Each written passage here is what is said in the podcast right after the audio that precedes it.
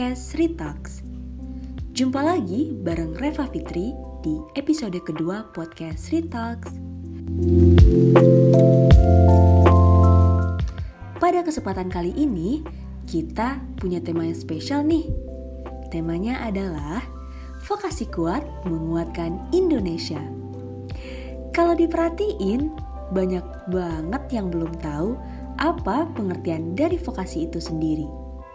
Nah, jadi di episode spesial kali ini, secara garis besar kita bakal bahas-bahas hal-hal seputar vokasi dan juga pandangan terhadap mahasiswa vokasi di lingkungan sosial kita.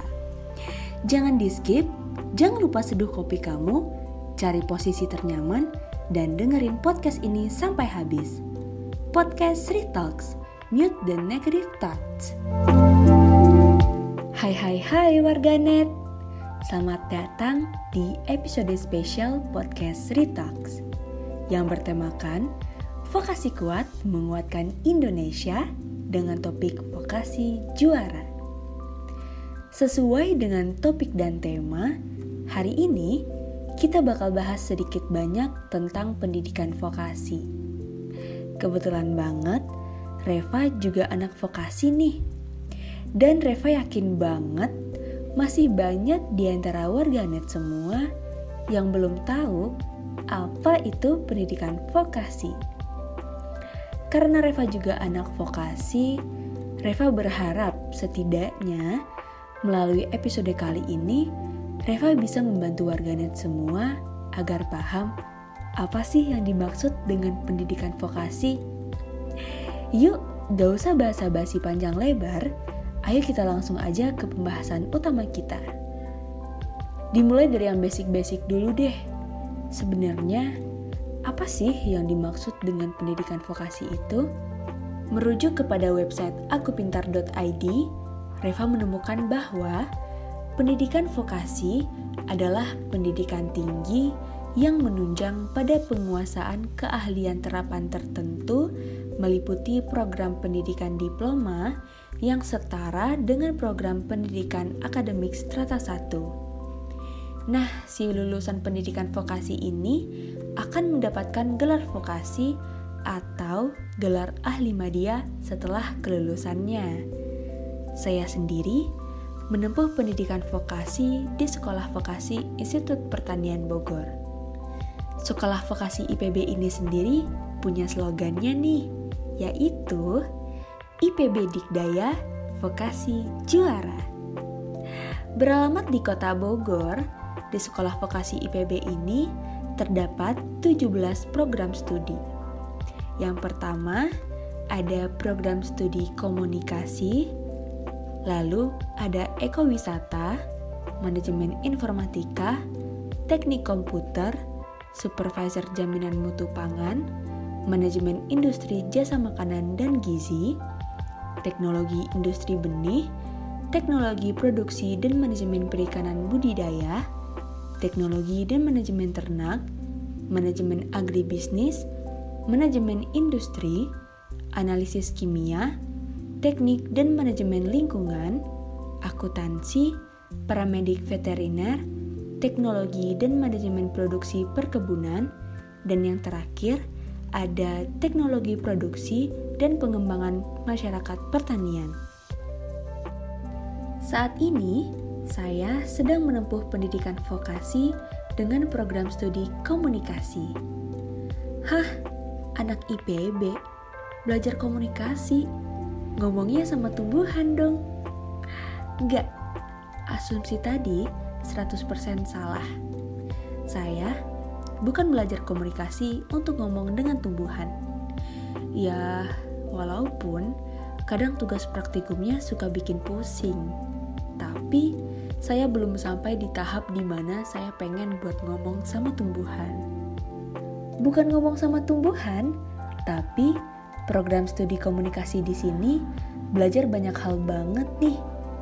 Mulai dari bagaimana cara berkomunikasi yang sesuai dengan etika, komunikasi yang efektif, broadcasting, dunia public relation, event organizer, media massa cetak dan elektronik, dan masih banyak lagi. Hmm, terus seru nggak sih jadi mahasiswi komunikasi di sekolah vokasi IPB? Jawabannya seru banget, karena fokus dari sekolah vokasi ini adalah praktikum, yang mana akan banyak menghabiskan waktu di lapangan. Sepengalaman saya, di lapangan, saya banyak banget ketemu hal-hal baru, baik hal-hal positif yang bisa ditiru, ataupun hal-hal negatif yang bisa dijadikan pelajaran. Tapi, sayangnya, pendidikan vokasi masih dianggap remeh sama lingkungan sosial kita nih. Karena masih banyak banget masyarakat yang menyepelekan pendidikan vokasi ini. Yah, D3 doang. Kenapa nggak langsung S1 aja? Umumnya, ini merupakan pertanyaan yang paling banyak mahasiswa pendidikan vokasi terima. Terus, apa sih bedanya tamatan vokasi dan tamatan sarjana? Perbedaan antara tamatan sarjana dengan tamatan pendidikan vokasi adalah tamatan pendidikan vokasi memiliki skill yang lebih terasah, sehingga lulusan vokasi lebih siap memasuki dunia kerja. Lalu, tamatan vokasi juga punya pengalaman yang lebih banyak, karena selama masa studinya mahasiswa vokasi banyak melakukan praktik di lapangan. Perbandingan antara kuliah teori dengan praktikumnya aja yaitu praktikum 60% dan teori 40%. Selain itu, walaupun bergelar ahli media, kamu yang sekarang sedang menempuh pendidikan vokasi, jangan galau buat mikirin peluang kerja di masa depan. Karena faktanya, lowongan pekerjaan untuk lulusan diploma sangat terbuka lebar. Hal ini diyakinkan kembali dari banyaknya perusahaan di Indonesia yang condong mencari lulusan-lulusan dari pendidikan vokasi.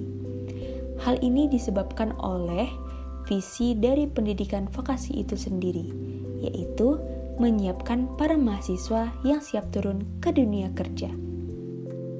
Selain itu, banyak perusahaan yang cenderung melirik mahasiswa lulusan vokasi karena diyakini telah memiliki pengalaman dunia kerja yang sangat memumpuni. Hal yang sering dijadikan bahan pertimbangan yang potensial bagi perusahaan dalam merekrut para lulusan jurusan vokasi adalah memiliki sertifikat profesi serta pengalaman magang yang mumpuni. Selanjutnya, Macam-macam program studi yang ada pada pendidikan vokasi ini sangat beragam dan spesifik. Sehingganya, hal ini memudahkan kalian untuk memilih program studi yang sesuai dengan passion dan minat kalian. Kalau dari saya sendiri, menempuh pendidikan di sekolah vokasi sangat-sangat memfokuskan saya pada bidang yang saya minati. Pada saat praktikum, kami diwadahi untuk belajar, diberikan contoh kasus, dan langsung diminta untuk eksekusi. Hal ini sangat menegangkan, rasa senang dan takut untuk bertemu hal baru bercampur menjadi satu. Walaupun terkadang apa yang ada di lapangan tidak sesuai dengan ekspektasi yang ada di pikiran. Nah, selain hal-hal yang sudah disebutkan tadi, masih banyak sisi positif menjadi mahasiswa pendidikan vokasi. Kita jadi terbiasa dengan work environment yang mendadak yang tiba-tiba mengharuskan kita untuk selalu serba bisa. Juga membuat kita tidak mager untuk terjun ke lapangan, banyak bertemu dan berkenalan dengan orang baru. Sehingga di dunia kerja nanti, lulusan pendidikan vokasi akan lebih bisa survive daripada lulusan sarjana. Sebenarnya, kedua gelar tersebut ada plus dan minusnya. Tidak ada yang lebih bagus ataupun yang lebih jelek. Tetapi, di sini saya hanya menekankan bahwa pendidikan vokasi tidak seremeh yang dipikirkan.